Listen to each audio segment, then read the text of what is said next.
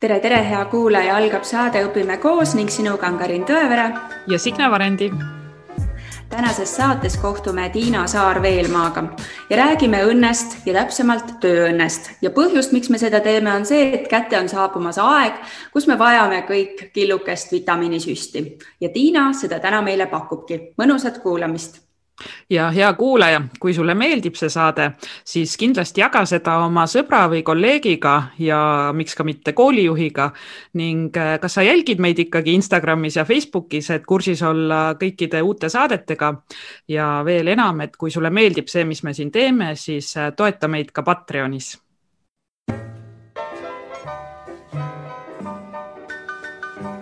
Tere, Tiina. tere meil on veel aasta algus ja aasta alguses inimesed soovivad head uut aastat ja õnnerikast aastat ja kelle käest veel oleks õigem küsida, et mis asi see õnn siis ikkagi on, kui Eesti kuulsamalt äh, tööõnne uurijalt ja kas tööõnnel ja õnnel on vahe ka hmm.? jah mm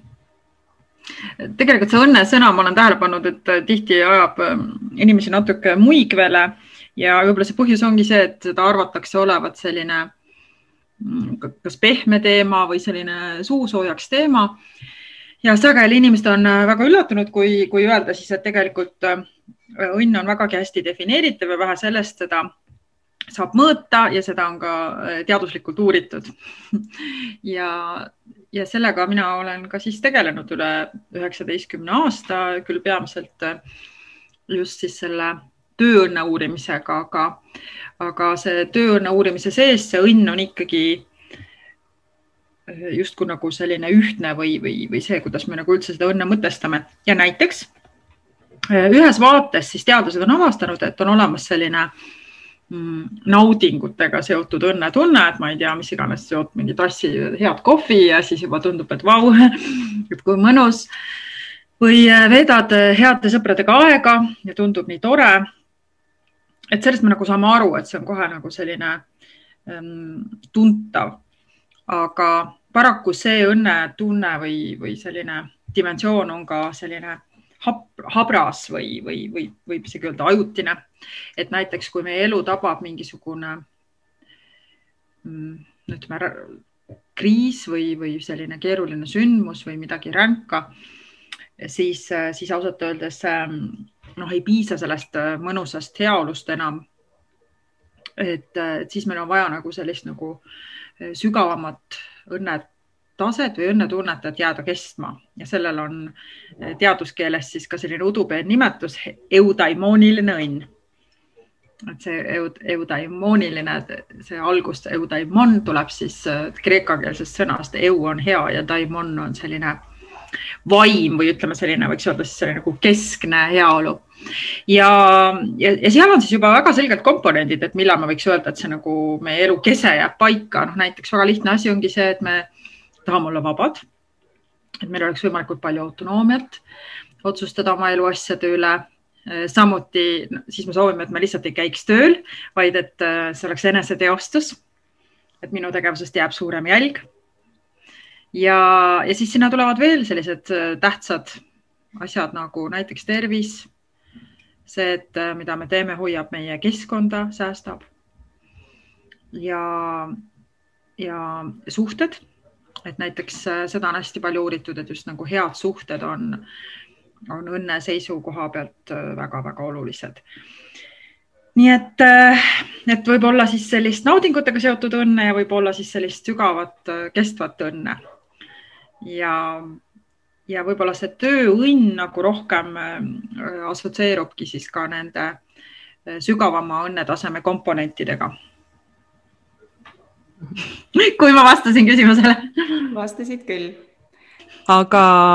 aga nüüd, kui sa mõtled õpetajate peale ja ise oled ka õpetaja olnud, et kas tööõnne mõttes see õpetaja on mingisugune imeloom, teistsugune, et äh, kui mina mõtlen tööõnne peale, siis minul kohe äh, tekib selline tunne, et äh, minu tööl peab olema väärtus, et siis mul on, ma olen õnnega koos, on ju. ja no õpetajad, no öeldakse ju tänuväärt töö, et noh, mida paremat saab olla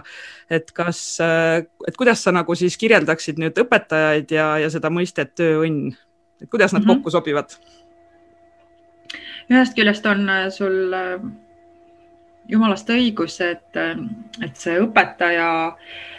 amet kui selline või, või valdkond või eriala lihtsalt haarab nii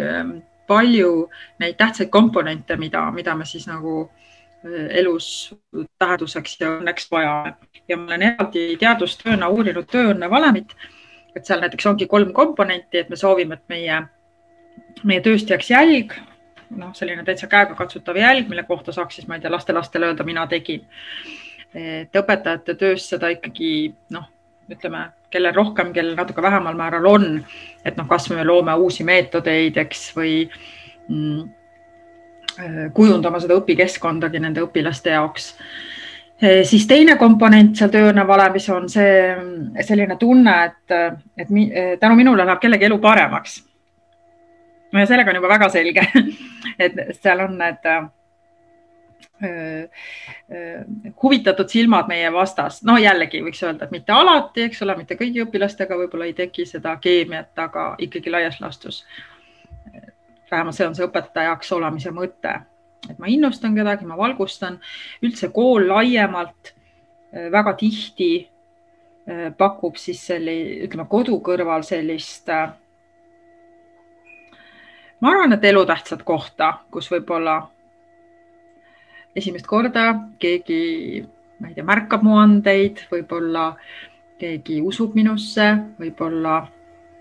ma saan äh, mingisuguse kindluse tulevikuks, mingi turvalisuse, inspiratsiooni, ideid, elutähtsad sõprused ja, ja, ja mingisugust sellist äh, vaimu, vaimuvalgust. nii et see teine komponent on nagu täielikult äh, kaetud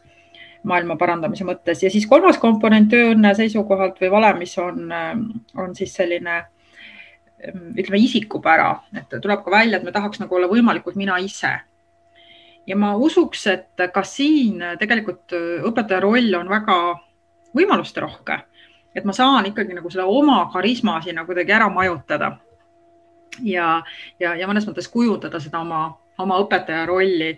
nagu võimalikult enda järgi, aga vot siin tuleb nüüd üks konks, mida ma olen näinud koolides äh,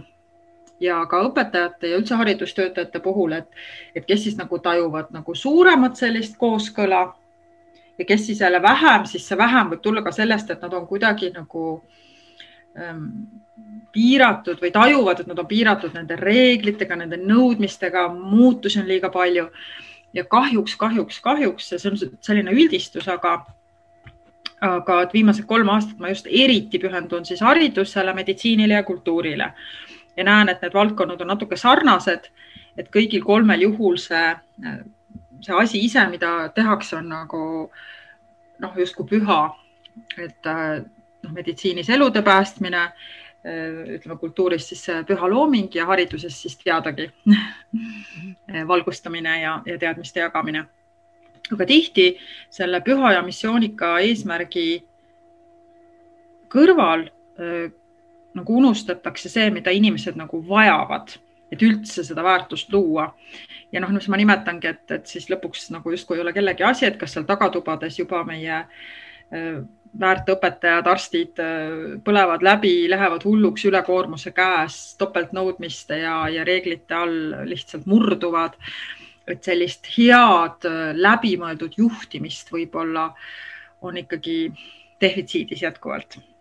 mis nagu päriselt võimata, võimaldaks sellel õpetajal lõpuni õnnelik olla aga mis, mis see valem ütleb, et äh, kui suur roll on siin minu enda kanda töötajana ja kui suur roll on siis äh, sellel koolikeskkonnal äh, juh, juhil?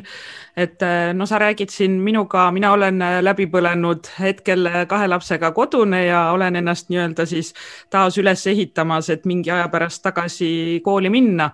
et, ähm, et mis on võib-olla siis nagu, mis on need sellised soovitused minule kui õpetajale ja, ja võib-olla siit ka siis äh, koolijuhile, et, et mida me saame ise teha ja mida siis peaks, äh, saaks äh, juht teha, et see tööõnn mm -hmm. ikkagi püsiks mm -hmm. õpetajates. ja seal on nüüd niimoodi, et äh, kuidas ma siis ütlen, natukene võiks võrrelda seda töökultuuri või ütleme ka juhtimist või töökeskkonda kui perekonda ja, ja kui me seda teeme, siis vaieldamatult äh, see võrdlus läheb sinna, et, et juhid on justkui siis need lapsevanemad, koolijuhid ja need töötajad on justkui siis need põsukesed või, või need lapsed. ja, ja me ainult selles kontekstis võrdleme seda niimoodi, et, et heas mõttes, et noh, et need lapsed saavad olla ise väga tublid ja olla, olla siis nagu oma selles lapse rollis ja, ja järgida ka neid kokkulepitud reegleid ja kõike muud. aga mida nad ei saa teha, nad ei saa minna nagu noh, vanema asemele. teatud asju perekonnas saab teha ainult vanem ja laps ei saa, ükskõik kui tubli ta ei ole. ja ainult selles kontekstis me võimegi võrrelda, et noh, et kes, kes, kelle vastutus siis on. et on teatud asjad, mis koolisüsteemis on ja jäävad olema juhtide vastutused ja, ja mille vastu noh töötajatel, ükskõik kui pühendunud nad ei ole, neil lihtsalt ei ole rohtu. et nad, noh, nende valik ongi, kas lõpuks läbi põleda või lahkuda. teatud piirist nad nagu üle ei saa. et iga inimene, ma ei ütle nüüd ainult koolis, ükskõik kus süsteemis, vajab seda tunnet, et mul on keegi, kelle sülle panna pea. ja koolis samamoodi, selleks on siis kas see minu noh, otsene juht, olgu ta siis mõne õppetooli juhataja või siis juba koolijuht ise või on sinna loodud selline personalijuht või administratiivjuht, aga keegi, kes reaalselt nagu hoolib minu õnnest või minu vajadustest, et selle nimi on selline äh, ideosünkraatiline töösuhe, mis oleks nagu rätsepatööna minu järgi õmmeldud. ja kui mul see inimene on olemas, et ma tean, et keegi seisab mu selja taga, kaitseb mu huve, vot siis me ütleme küll, et jah, et tõepoolest, et me saame ka ise olla iseenda tööõnne insenerid või spetsialistid või esindajad. ja noh, seal on nagu mitmeid asju, mida me siis saame vaadata, et äh, ma kasutan hästi palju selliseid äh, mudeleid ja ka praktilisi harjutusi. üks mu lemmik viimased kümme aastat on näiteks äh, Norman Amundsoni väärtuste ratas, kus siis ma palungi näiteks inimestel hinnata, et millised kolm väärtust on sulle olulised.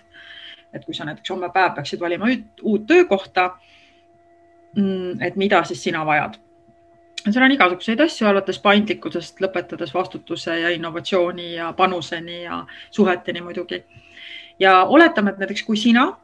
äh, oleksid see inimene, kellel ma siis nagu palun neid äh, hinnata või valida välja.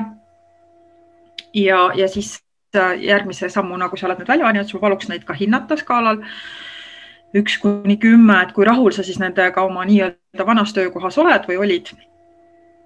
ja, ja näiteks üks asi, kui tuleb välja, et seal oletame, et äh, suhted näiteks ongi seal võib-olla noh, mõnede inimestega olid väga head, aga mõnega väga keerulised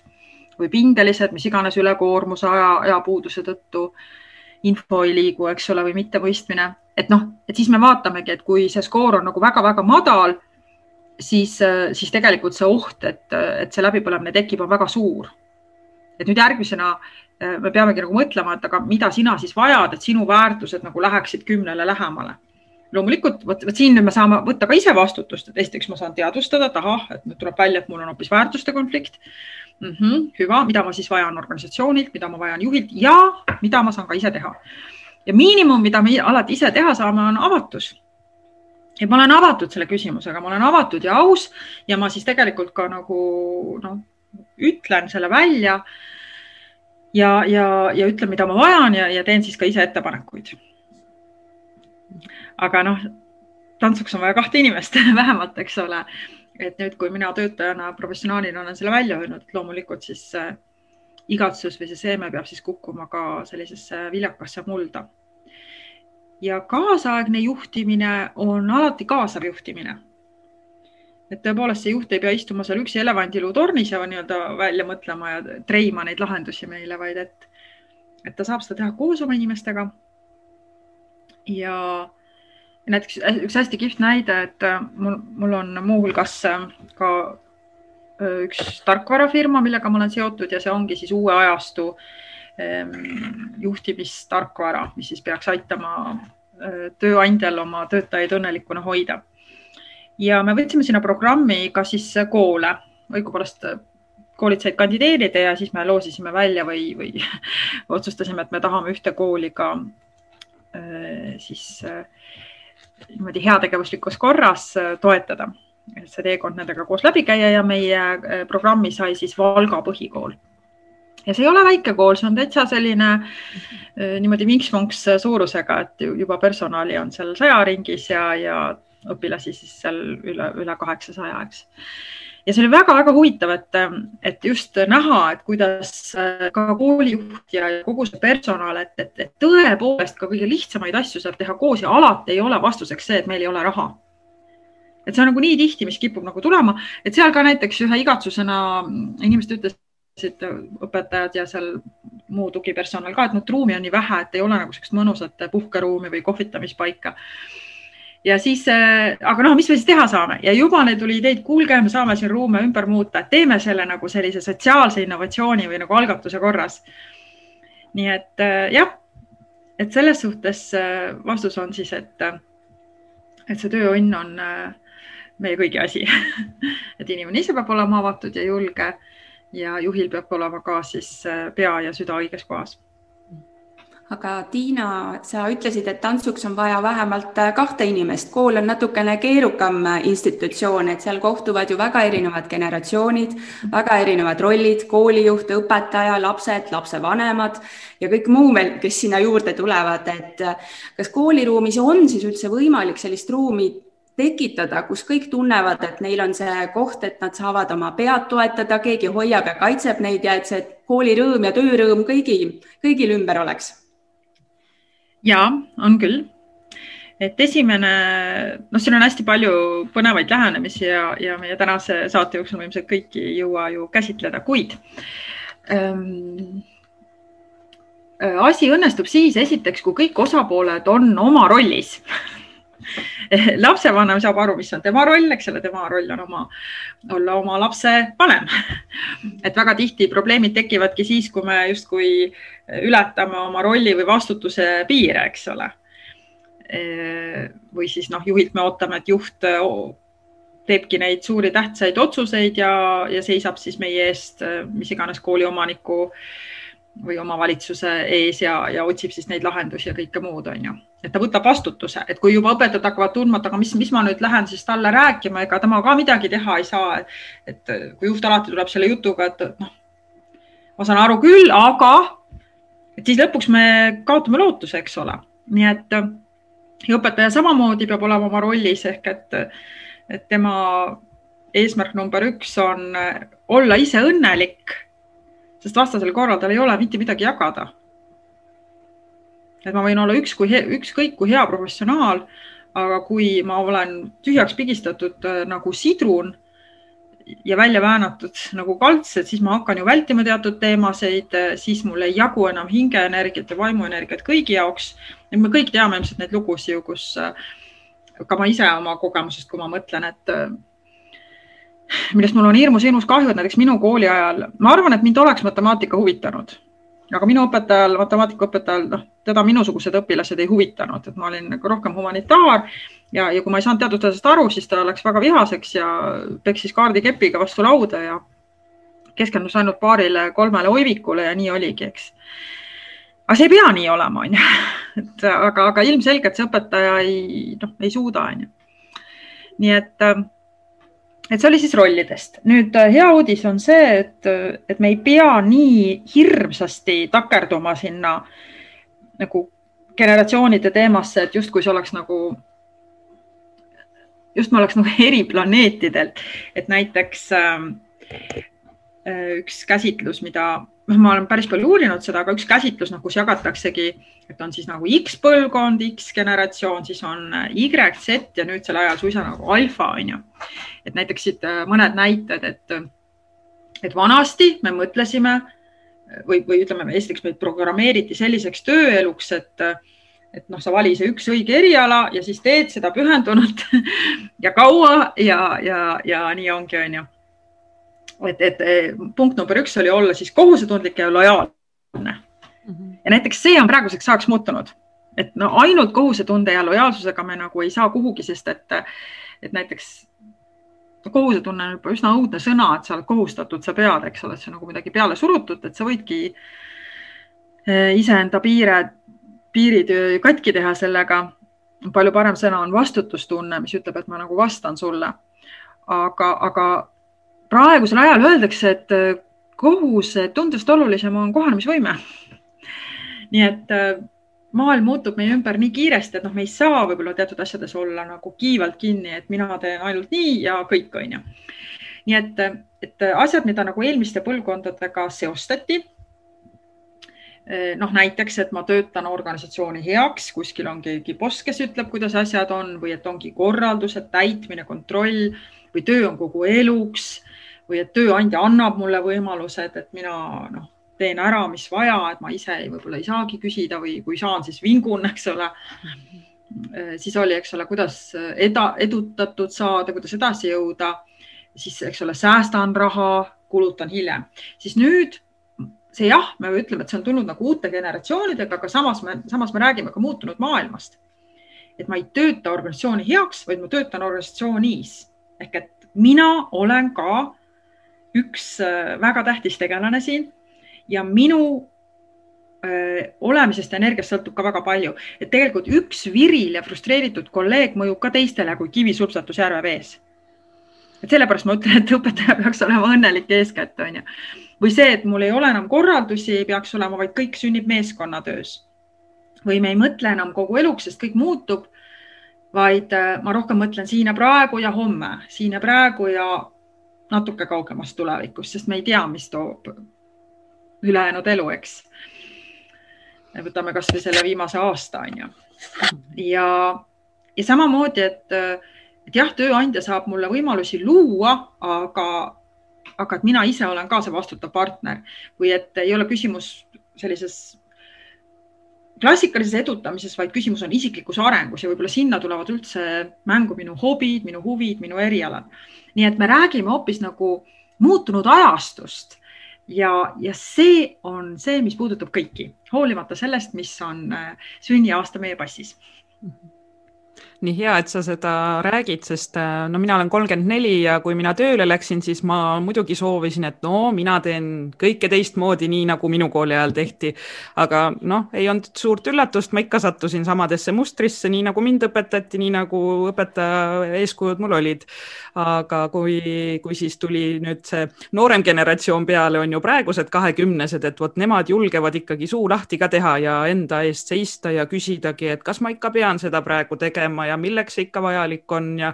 et, et mul on tõesti hea meel näha, et, et see on ka kooli jõudnud, sest tegelikult ju sellised muutused, see muutunud aeg kooli jõuavad kõik ikkagi suure nihkega, et seda kool, see kool on nii suur masin lihtsalt, mida nagu suunata, noh, võtab nii palju aega, et et kuidas sulle tundub praegu õpetajatega töötades, et on see masin siis suuna muutmas, et jõuavad need, need muutused ja need siis uue generatsiooni ootused ka kooli? Või et miks me räägime ikka veel näiteks õpetajate siis äh, järelkasvu probleemist just selles võtmes, et õpetaja jõuab kooli, aga ta siiski langeb välja, et, äh, et on see see, et tõesti, et me ei ole enam, on ju, jalad ees ei lähe sealt koolist, vaid äh, me valime ise, et täna olen siin, nüüd mõne aja pärast tahan ennast arendada kuskil mujal või on ikkagi see, see just see tööõnne probleem, et tahan teha, aga vot see keskkond seal ei sobi mulle mm. -hmm ja ähm, et tõepoolest, noh, kui me küsimegi, et noh, kuidas on, on ju, et siis äh, võib-olla läbi oma üksikute näidete ma võiks öelda, et asjad on hästi. Mhm. Äh, võib-olla kui ma natuke laiendan seda teemat, siis ma ütlen, et ei, asjad ei ole veel hästi, et paranemisruumi on küll, aga ja kui me vaatame ainuüksi statistikale otsa, siis me ütleme, et noh, asjad on tegelikult ikkagi väga murettekitavad, et just see järelkasvu pool. ja, ja seal ma, ma arvan, et ongi nagu sinagi ütlesid praegu, et et, et näiteks, et noh, tulevad nüüd, nüüd see noorem põlvkond juba julgeb, aga nad julgevad ka ja jaksavad ka teatud piirini. et kui need seemned või need ideed, mida nad välja pakuvad, noh, ei kuku nagu viljakasse mulda mm, -hmm. siis võib juhtuda hoopis see ja, ja kui sealt siis leidub keegi, kes ütleb, et alati on nii, mul, mul on ka üks selline kooli näide, kus just tekkis nagu täiesti, ma ütleks nagu äh, äkki väga suur konflikt just siis sellise noorema generatsiooni mõtete ja siis selle vanema generatsiooni mõtete vahel. just selles vaates, et, et noored ütlevad, et kuulge, kõik on võimalik, on ju. ja vanemad ütlevad, et, et jätke meid rahule. et las ma nüüd õpetan, mul on ammu pintsiaeg käes, et noh, niikaua kui mul veel paar aastat veel minna täpselt paar aastat minna, et laske mul siin nüüd, nüüd tiksuda veel, et ärge käige pinda ja ma ei taha kõiki neid moodsaid asju. Ja õpilased on nii keerulised, jätke mind rahule, ühesõnaga, et siis tegelikult noh, et siis ei ole väljapääsu ja siis need noored hääletavad jalgadega ja lähevad lihtsalt minema sealt, sest et nende jaoks sedasorti keskkond on mm, sobimatu ja neil on õigus sest kui juba nemad niimoodi tajuvad, siis järelikult, äh, siis järelikult me peamegi olema mures hariduse tuleviku pärast. Ja järelikult me peame olema mures ka sellepärast, et kui, kui noortele õpetajatele ei sobi see keskkond, kust me siis võtame, et see sobib nendele noortele, keda me õpetame, nendele lastele, eks? Et, et ilmselgelt seal on nagu probleem, aga mul tuli selline kujund pähe, kui sa seda küsimust äh, esitasid, et äh, et kujutame nüüd ette, et, et keegi kutsub meid bussi, nii mm, -hmm. et tule, bussi, hakkame sõitma, onju. noh, vaatad täitsa vinks-vonks buss, lähed sinna bussi, siis küsid, et kuhu me sõidame. no ei tea, vaatame siis kuuled, et mingi imelik hääl tuleb kuskilt mootorist, kas bussil on midagi viga? noh, võib-olla. kas on plaanis remonti teha? ei tea, ei ole, onju. siis vaatad, et kõigile ei jagu istmeid ja siis vaatad, et bussijuht hakkab juba liiga kiiresti võib-olla kimab ja keegi läheb, tirib käigukange vahepeal ära ja ühesõnaga ja siis mulle tundub, et kaas, kaasreisijatest ütleb, et tegelikult on see alati niimoodi olnud, meie kõik reisid on sellised. Täpselt ja, ja keegi ei tea, kuhu sõidetakse. bussi tehniline seisukord ei vasta absoluutselt nõuetele seltskond ei saa omavahel läbi ja nii edasi, keegi nõuab pissipeatust ja keegi ütleb, et läheme juba edasi ja ühesõnaga vot, vot see võib olla nüüd äh, selline läbimõt-, läbimõtlematu juhtimise metafoor. ja mulle tundub, et sellisena paraku need äh, noored äh, kooli läinud õpetajad seda keskkonda ühel hetkel tajuvad et nad mõtlesid, et nad lähevad kooli, nende silmis oli sära ja hinges tohutu innukus ja, ja vaim, vaim, vaim oli motiveeritud. aga siis nad avastasid ennast ühest äh, sõiduriistast, kus neil hakkab üha rohkem tunduma, et noh, ma ei saa aru, ma ei saa aru, kuhu ma sattusin, ma ei saa aru, kuhu see asi läheb. Ja selle nimi ongi see kaasaegne juhtimine, organisatsioonikultuur. Ehk et kui seal ei ole selget süsteemi, kui inimesed ei ole kaasatud visiooni loomisesse, kui ei hooldata, kui ei ole Äh, eks ole, ütleme siis, mis see hooldus on, on ju, on tunnustamine, on info liikumine, on kaasaegne protsesside juhtimine, on arenguvestlused, on supervisioon, on äh, töötervis, töökeskkonnaga disain. Et võtame, noh, võib rahulikult lugeda sellist neliteist meedet, mille alla peaks siis ehitama justkui need siseteenused, mis üldse tagavad, et see buss saaks sõita ja, ja nii ongi, et kui selle kõigega ei tegeleta, siis ilmselgelt see läheb isevoolu ja ühel hetkel kukub kuristikust alla. no sa mainisid, Tiina, et sa õpetajaid tegelikult koolitad siiamaani ja kas, mis, mis sa neile õpetad ja kas koolijuhid on varmad neid uusi juhtimisstrateegiaid, juhtimisstiile nagu õppima või pigem sõu-, sõutakse vanaviisi?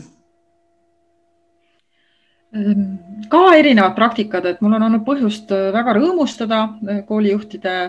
üle,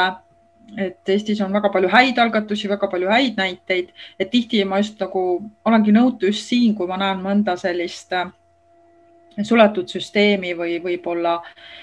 läbi põlenud juhti, kes ei, noh, ei leia väljapääsu, et siis mulle ka tundub, et kas te teete nalja, et, et noh, see on nagu nii madalal rippuv õun, et lihtsalt võta vaatame, kuidas keegi on teinud seda, et me ei pea isegi jalgratast leiutama, et Eestis on väga-väga palju häid näiteid tänaseks. aga, aga koolijuhi puhul noh, ütleme esimene selline öö, ohumärk on tõesti see, ma olen ka värvanud koolijuhte ja, ja siis oma suureks hämmastuseks näinud mõnda motivatsioonikirja, kus koolijuht ütleb, et ta väärib seda positsiooni sellepärast, et ta on terve elu seda tööd teinud ja mulle tundub see selles mõttes kummaline, et, et, et küsimus ei ole selles, et ma olen seda tööd teinud, vaid kuidas, mis on need viljad. ja, ja võib-olla see ongi siis see, et kui, kui see koolijuht ei ole absoluutselt nagu valmis tulema oma mugavustsoonist välja või kui teda ei huvita ma ei tea, kaasaegne juhtimine, kui ta noh, kui ta, kui tal näiteks ei ole mentorit. Et minu jaoks on ka see ohukoht, et, et koolijuhil endal ei ole arengupartnerit. et siis ka ta lõpuks enam ei jaksa neid lahendusi leida ja kuulata neid muresid, et, et siin on nagu mitmeid selliseid asju. aga õpetajatele siis taas mul on sellised hästi huvitavad harjutused vahel, kui ma mõne kooliga olen näiteks ka seal ütleme aasta aega seotud võib-olla mõne mentorprogrammi raames et eh, ega neil ka lihtne ju ei ole, täpselt samamoodi, et õpilasi on erisuguseid, tänapäeval noh, see on niimoodi ei tohi võib-olla täpselt öelda, aga aga ma arvan, et me saame aru, kui ma sellest kujundist, et mulle tundub, et tänapäeval on kõik inimesed erivajadusega. aga erivajadus ongi see, et me oleme nii erinevad. ja, ja kogu töömaailm on ju liikunud sinna, kus me ütlesime, see ideosünkraatiline töösuhe või rätsepatööna, eks see koolis samamoodi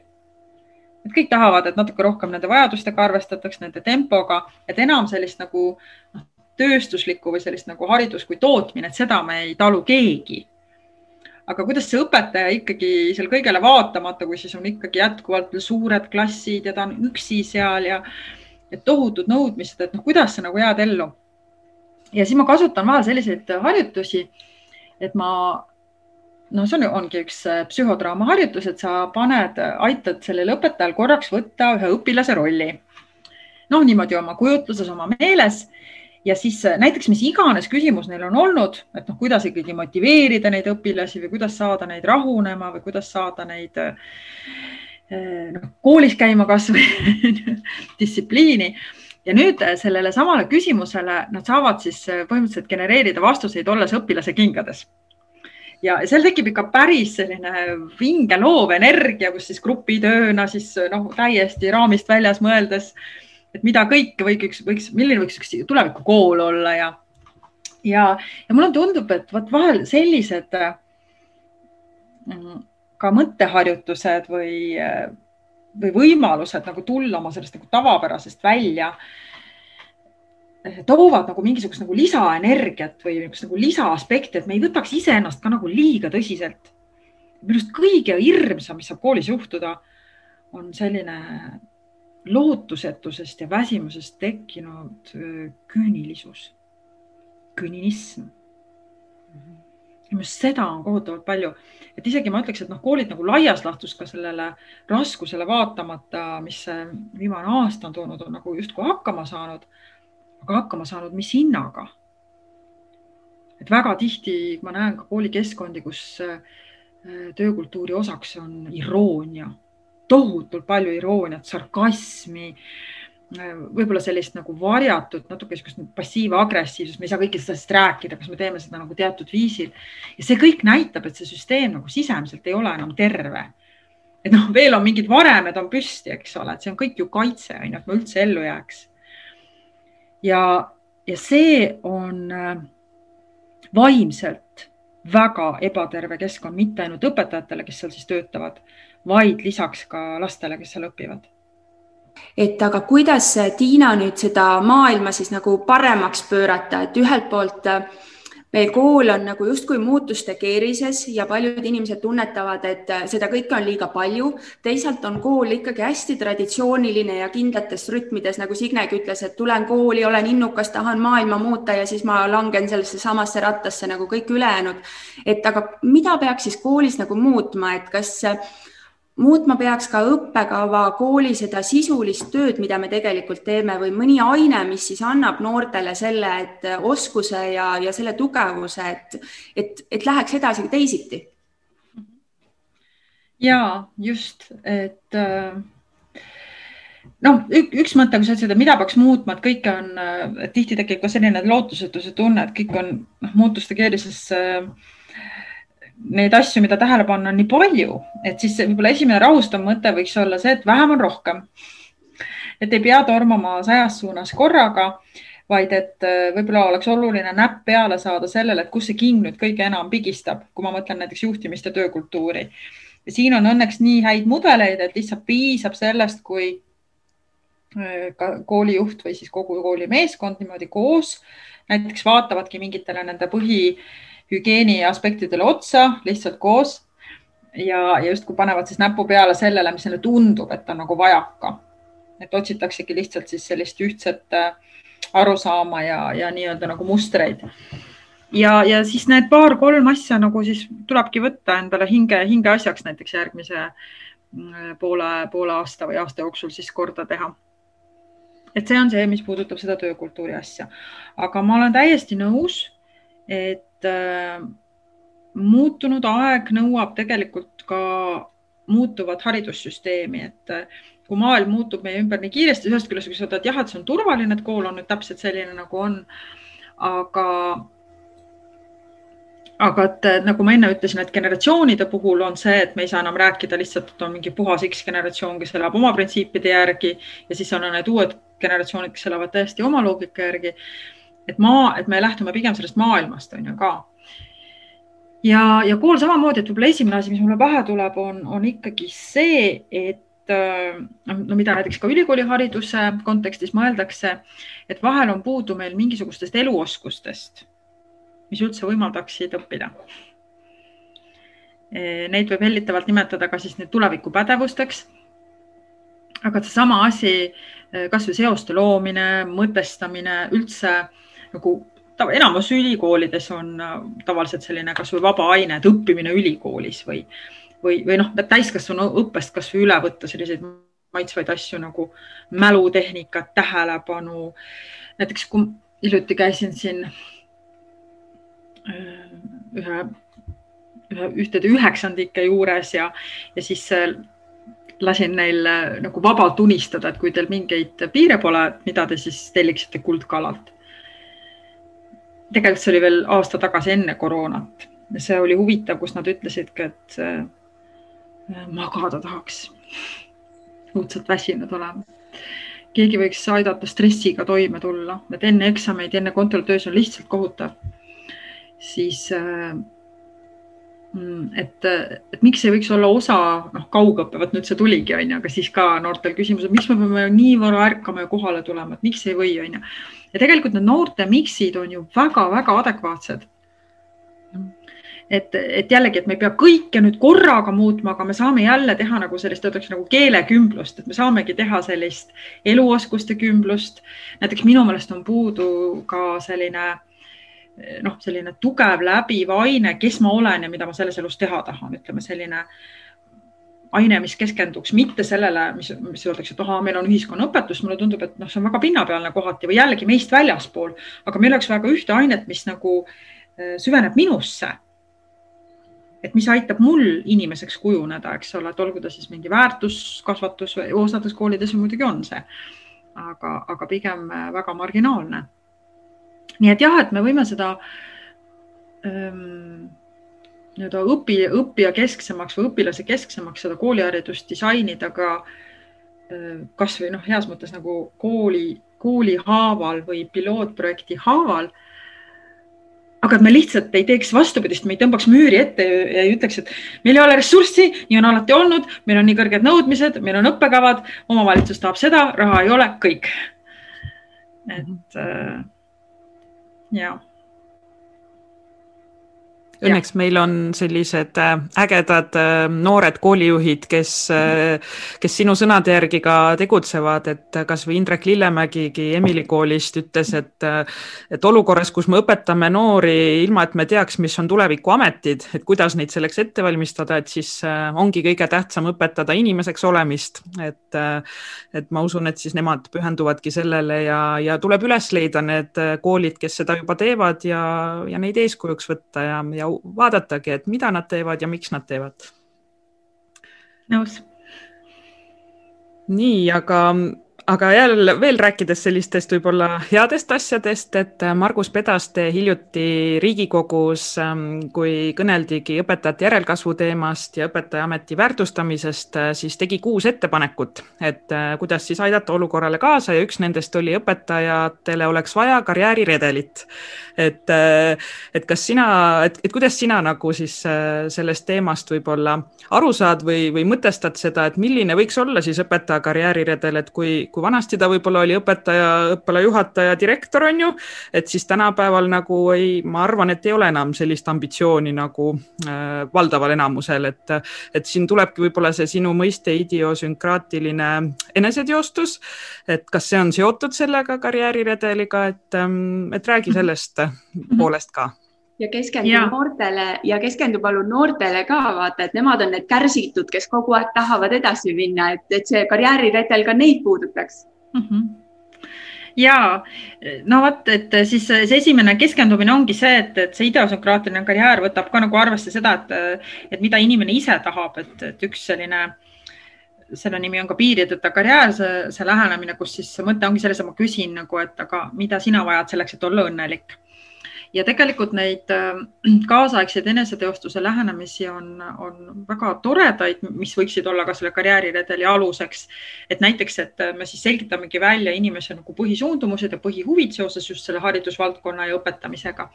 ja võib-olla näiteks mm, kedagi, kedagi neist äh, huvitab just selline innovatsioon,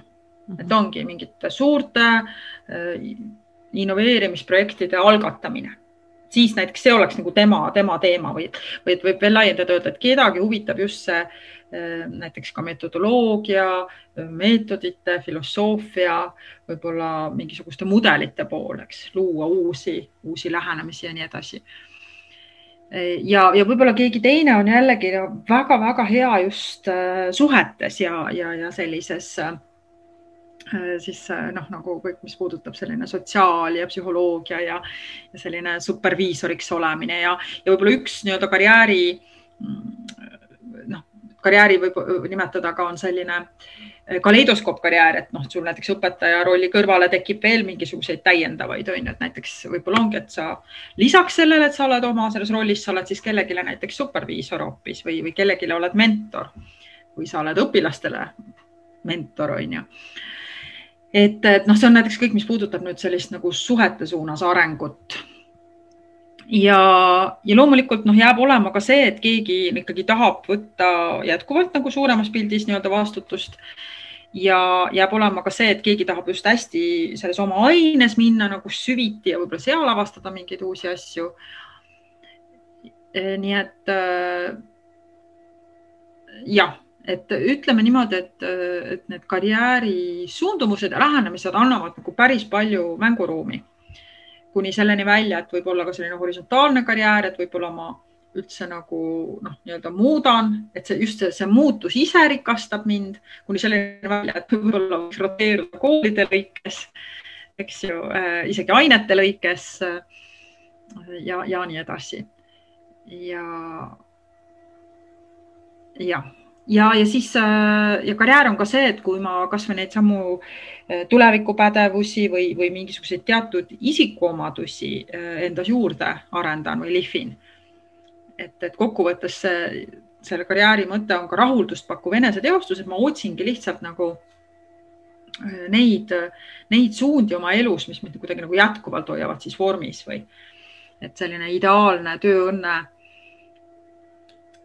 ähm, tööõnne kirjeldav, kirjeldav lähenemine on ka see, et iga päev siin töötamist muudab mind inimesena ilusamaks, paremaks ja targemaks, et see peab olema selline nagu eh, hea dünaamika, hea transformatsioon, eks. Et jah, et märksõnadeks on siis personaliseeritus, aga et need valikuvõimalusi seal on tõesti nagu noh, enam on ju, kuni selleni välja, et, et ja, ja seda pakun mina ka nagu lahkelt välja koolidele, kellega mina koos töötan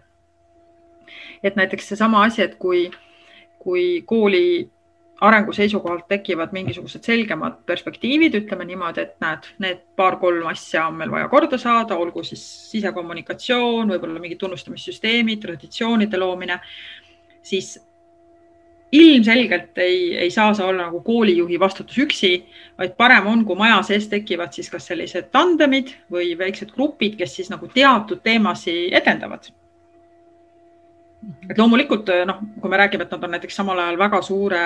koormuse all.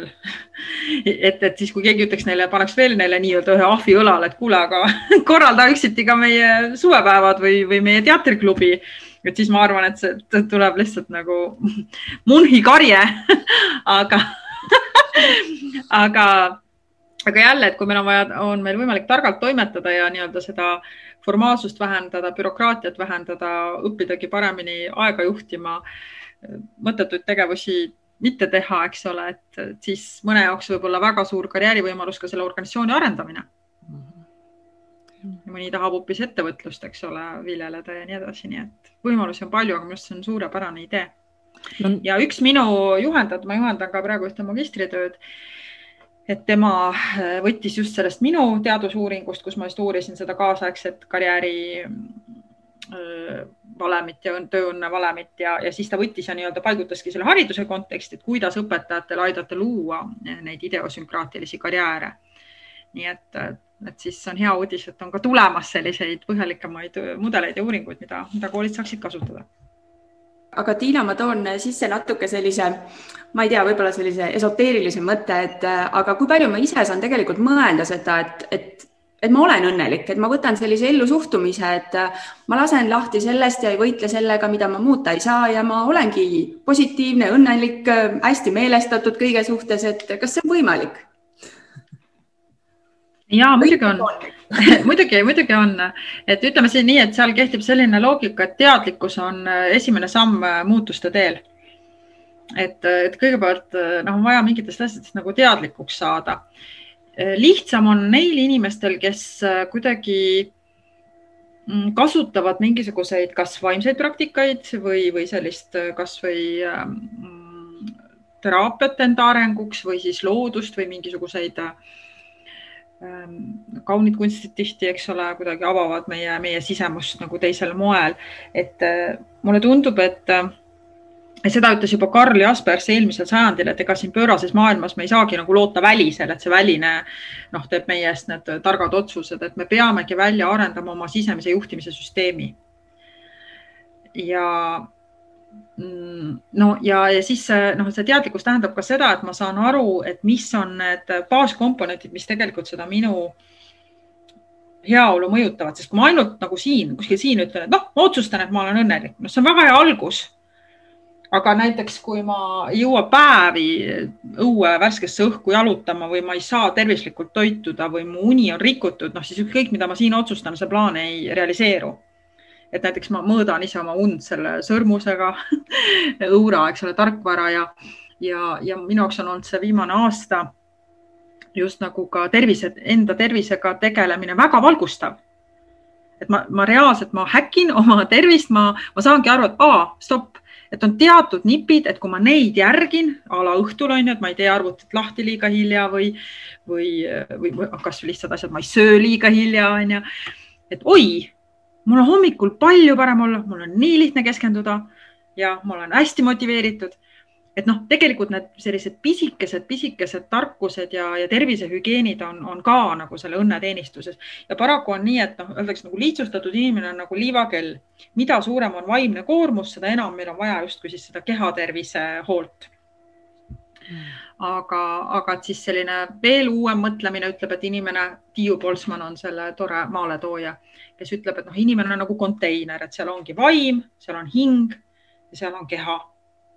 ja kui meil ei ole praktikaid ega meetodeid, kuidas nagu tühjendada seda konteinerit, noh, meie pea on pulki täis, meie hing on täis erinevaid emotsioone, erinevaid äh, inimtüüpe, eks ole, meie keha võib-olla ei ole nii hästi toetatud, eks ole, istume siin Zoomis päevad pikad nüüd, eks. ja, ja siis, kui mina olen täis, siis ma lõpuks olengi nagu sihuke junn, et seal tei, kõrval võib olla ka teine inimene, kellel on vaim, hing ja keha, aga minul ei ole ruumi tema jaoks. minu sees ei ole tema jaoks ruumi.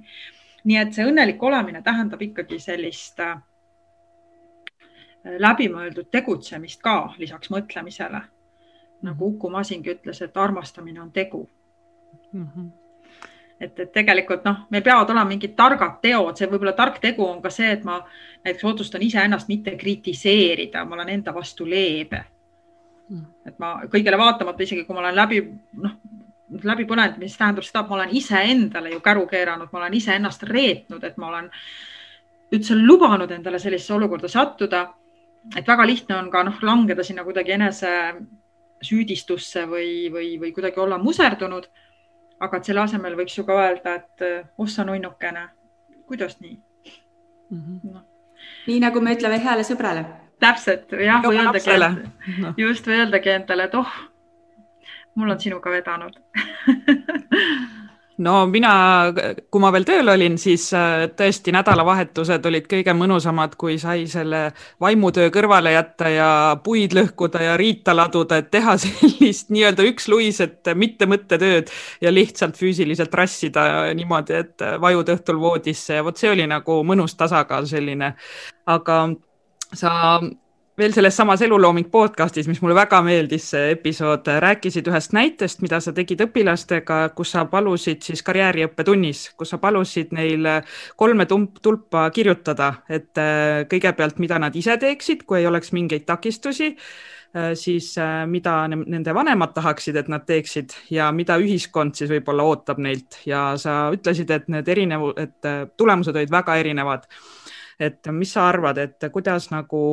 teha siis äh, niimoodi, et mis on vaja teha selleks, et need õpilased saaksid rohkem oma sisetunde järgi minna, oma vajaduste järgi ja kas me peaksime rääkima siin juhul üldse mitte siis õpilaste karjääriõppest, vaid ikkagi neid lapsevanemaid äh, koolitama, et, äh, et laske minna rohkem, usaldage rohkem oma lapsi. jah, et äh nõus ja mis seal vanematega tihti juhtub, on see, et ega, ega nende soovitused ei ole noh, iseenesest halvad või, või kuidagi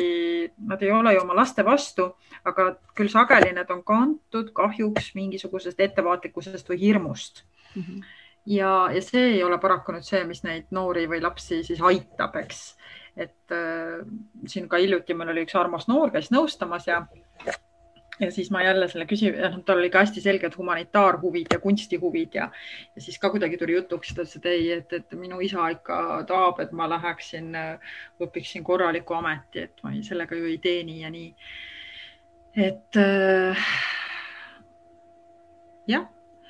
et ühest küljest äh, saan väga-väga hästi aru nendest vanematest, kes muretsevad oma laste tuleviku pärast ja kellel on võib-olla oma kogemusest tingituna tekkinud mingisugused eelhoiakud, aga just seesama, et maailm on muutunud. Ja, ja kui see vanem nüüd ei ole ise teinud põhjalikku sellist karjääri analüüsi või, või kasutanud siin äh,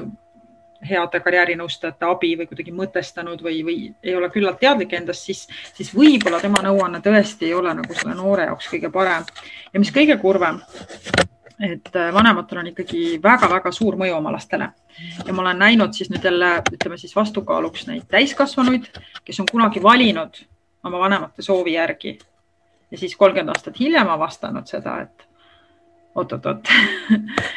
ja siis kuskil seal nii-öelda tuha all hõõgub see, see tegelik anne, see tegelik äh, võib-olla kirg, jah, see igatsus ja, ja see ei ole saanud ruumi ja siis on hoopis keerulisem, et noh, ma ei ütle, et ka siis on võimalik ikkagi pöörduda selle asja juurde tagasi, aga aga noh, mõned ka tunnevad, noh, see ei ole see ja ma ei tunne ennast ikkagi päris nagu äh, noh, adekvaatsena, eks ole, kui ma siin eh, vanast peast õpin, ma ei tea, muusikuks või mis iganes. Nii et, eh, et jah, kui ma saaksin ka midagi tellida Eestile juurde, et Eestis saaks see õnneliku töötamise maa, et siis see oleks nagu ikkagi selline põhjalik karjääri, läbiv karjääriõpe, karjäärinõu või kuidagi selline, et, et noh, kui siin ongi siin keerulises maailmas, me lihtsalt ei pruugi teada neid kõiki asju ise et me vajame neid äh, tarku kaasteelisi ja, ja üks on liiga väike ühik, et teha suuri asju, nii et mm. -hmm aga kuidas on praegu olukord koolis karjääriõppega sinu silmade läbi, et mina olen noh, algklassiõpetaja, ma ei ole selle teemaga üldse nagu kursis. et kui ma mõtlen jälle oma kooliaja peale, mulle tundub, et praegu on olukord parem, aga mis ta tegelikult on ja kuhu ta võiks siis äh, välja jõuda, jah?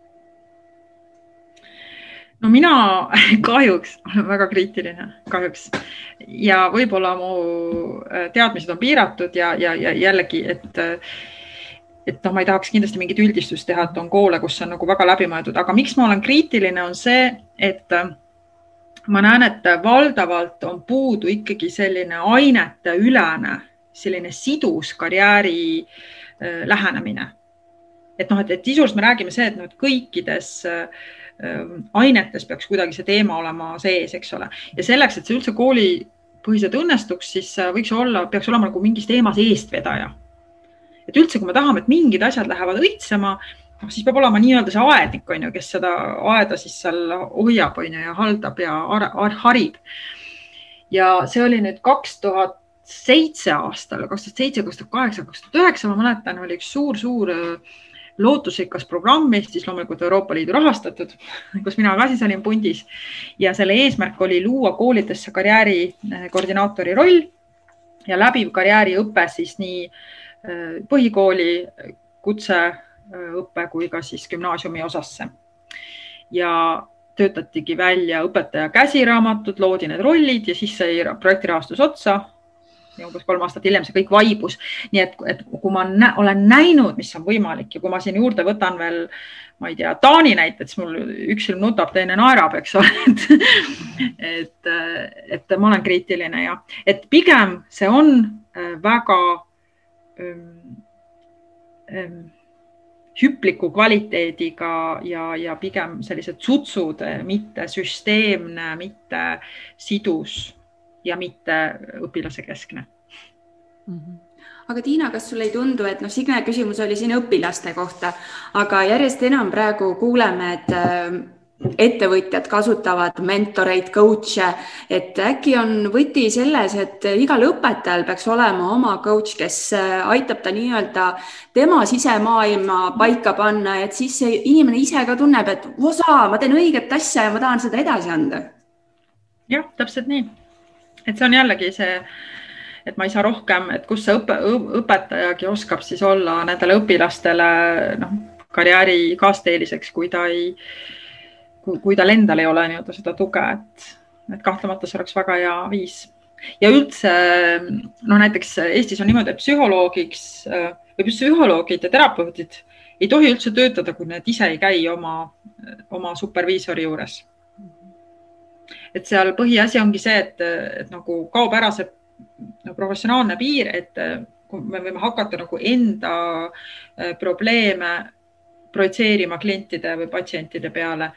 ja, ja see mõte laieneb absoluutselt kõikidele erialadele, kes töötavad inimestega. et kui me töötame inimestega, siis tähendab, meil peab olema see koht, kus ma tegelen nende kaasustega.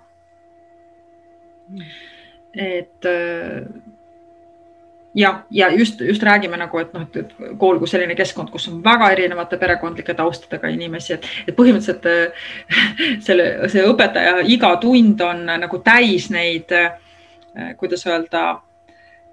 päästikuid, eks ole, et, et noh, kui, kui keegi ütleb talle, ma ei tea midagi, ta peab ennast nagu kehtestama, võib-olla tulevad kõik need pinnale need mingisugused iseenda autoriteedi ja võimu suhted, eks ole ja üks asi veel, miks eriti, eriti, eriti nagu koolid vajaksid nagu sellist nunnutavat kultuuri, on see, et, et kui me vaatame, kuidas meie aju toimib, et siis äh, Jaan Aru on hästi vahvalt kirjutanud, eks ole, aju äh, närvisüsteemi toimimisest ja siis ta kasutab ka selliseid reipaid kujundeid või, või noh, kuidagi soosib, et, et üks, üks variant on mõelda ajust kui äh, sellisest beats-präänik sagedusest ja see beats sagedus põhimõtteliselt ongi ellujäämisrežiim, kui meid hinnatakse, kui on kiire, äh, kui on teadmatus. Ja, ja noh, enamus töökohtadel ja koolis eriti, eriti on see beats-sagedus väga käivitunud või see ellujäämisrežiim, et kortisooli tase on hästi kõrge. Ja õpetajaid ennast ka, eks ole, et meid ka ju hinnatakse, kas ma saan oma asjaga hakkama, kas mu õpilased sooritavad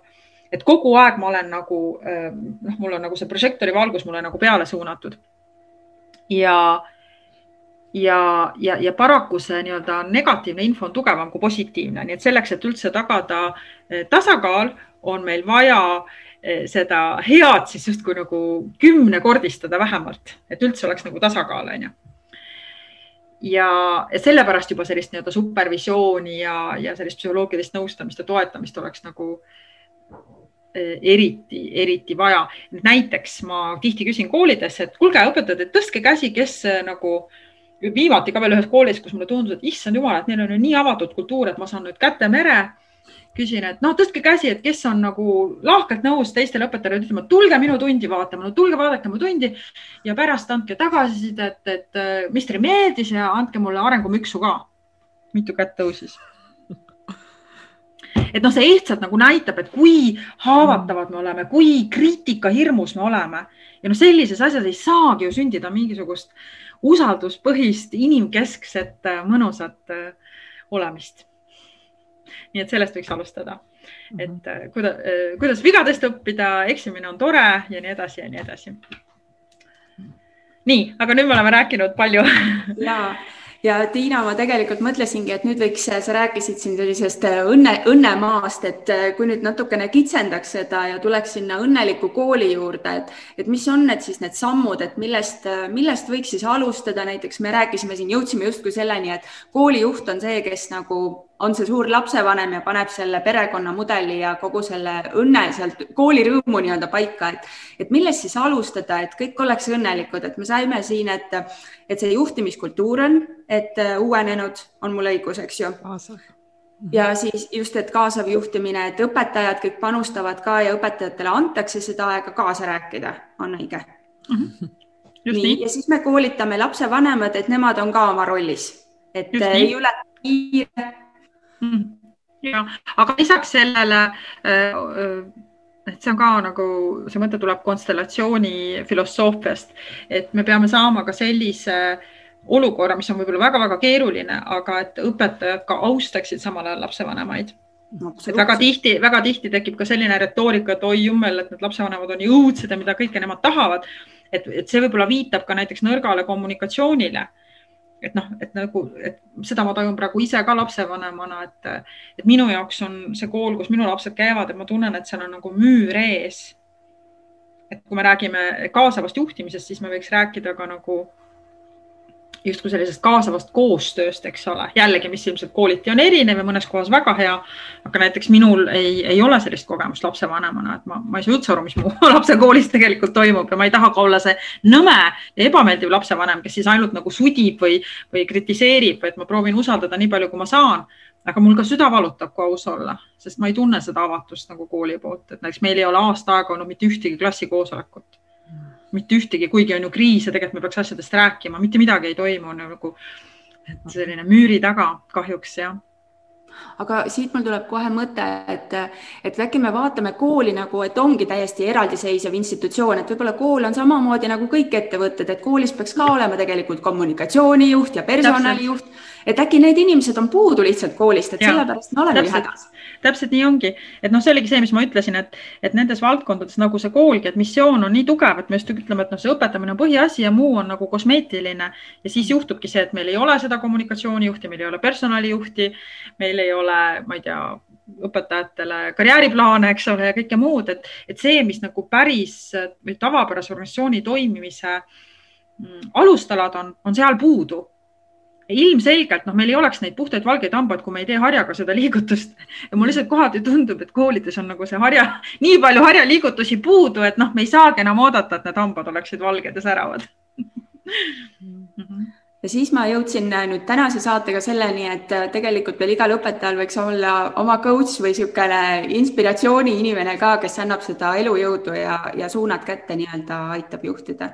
ja, keerulisemate õigus. olukordadega hakkama saada ja, ja, jah, ja iseendast, jah, õppida enda suhtes leebe olema ja iseendale ka leida sellist nagu, et kuidas kasutada seda parimat versiooni iseendast ja üksiti olla siis avatud ka sellistele arengumüksudele mm. -hmm no kuidas sulle, Signe, tundub, kas midagi jäi veel nagu kripeldama, et tahaks küsida Tiina käest? no ma arvan, et rääkida on oi kui palju, aga õnneks sa esined ju väga palju, et sind saab kuulata nii teles kui podcast ides, lugeda artikleid, et, ähm, et ma arvan, et, et tänaseks saime, saime omad küsimud, küsimused küsitud. kas ja. sul, Tiina, on veel mõni soov õpetajatele või koolijuhtidele öelda, et tulge siia koolitusele või tehke seda, mis on see esimene samm? ja mul on, mul viimati siin ongi olnud, oli näiteks õpetajate majas oli selline pikem kursus, kus oligi nagu õpetajatele suunatud, minu meelest seal tekkis ka hästi selline mahe, maheenergia, et just, kus need õpetajad saavad nagu üksteisele olla arenguvitamiiniks, et kuulavad ka teiste mõtteid. Et ma kõigepealt lihtsalt soovitan, see on mu esimene soovitus ongi, et ennast pidada oluliseks, et kui oleks küsimus, et kes on sinu elus kõige tähtsam inimene, et siis õpetaja saaks öelda, et mina ise. et kõik algab sellest, kuidas minu tass on täis või pooltühi. ja kui ma juba leian need kohad, et iseendast äh, oma loost pidada ja, ja, ja enda energiat hoida, et siis, siis lähevad muud asjad ka korda et seda ma soovitan, jah mm. -hmm aga aitäh sulle, Tiina, ma tõesti olen väga tänulik, et äh, seda saadet ette valmistades me äh, Signega mõlemad kuulasime kõik need äh, sinu esinemised erinevates podcast ides ära, lugesime ja saime ise targemaks ja kindlasti soovitame ka kuulajatel kõiki sedasama teekonda teha, et, et see tõesti avab ja aitäh, et sa jagad seda, seda õnne siis kõigile. just. aitäh sulle. Ja aitüma, kõike head. nägemist. nägemist hea kuulaja, ma loodan, et Tiina pani sinugi mõtted tööle ja sul tekkis tahtmine oma mõtteid meiega jagada. pane kirja meile, et äh, mis on need asjad, mis võib-olla tekitavad sinus äh, natukene pingeid või muresid, miks ei ole see õnn veel sinu õuele jõudnud ja pane kirja võib-olla ka see mõte, mida sa näed, et võiks ja peaks muutuma, et see koolirõõm ja tööõnn tuleks ka sinu õuele ja kindlasti jaga seda saadet oma hea sõbra või kolleegiga ja koolijuhiga ning jälgi meid ikka Instagramis ja Facebookis, et kursis olla järgnevast, järgnevate saadetega. ning äh, miks mitte ka toeta meid Patreonis, et meie saated äh, jõuaksid äh, veel kaugemale ja saaksime need veel kvaliteetsemalt sinuni tuua ja loomulikult, kui sul on mõtteid, kellega me võiks ja peaks kindlasti saate tegema, siis anna meile märku, kirjuta meile järgmise korrani. Kuulmiseni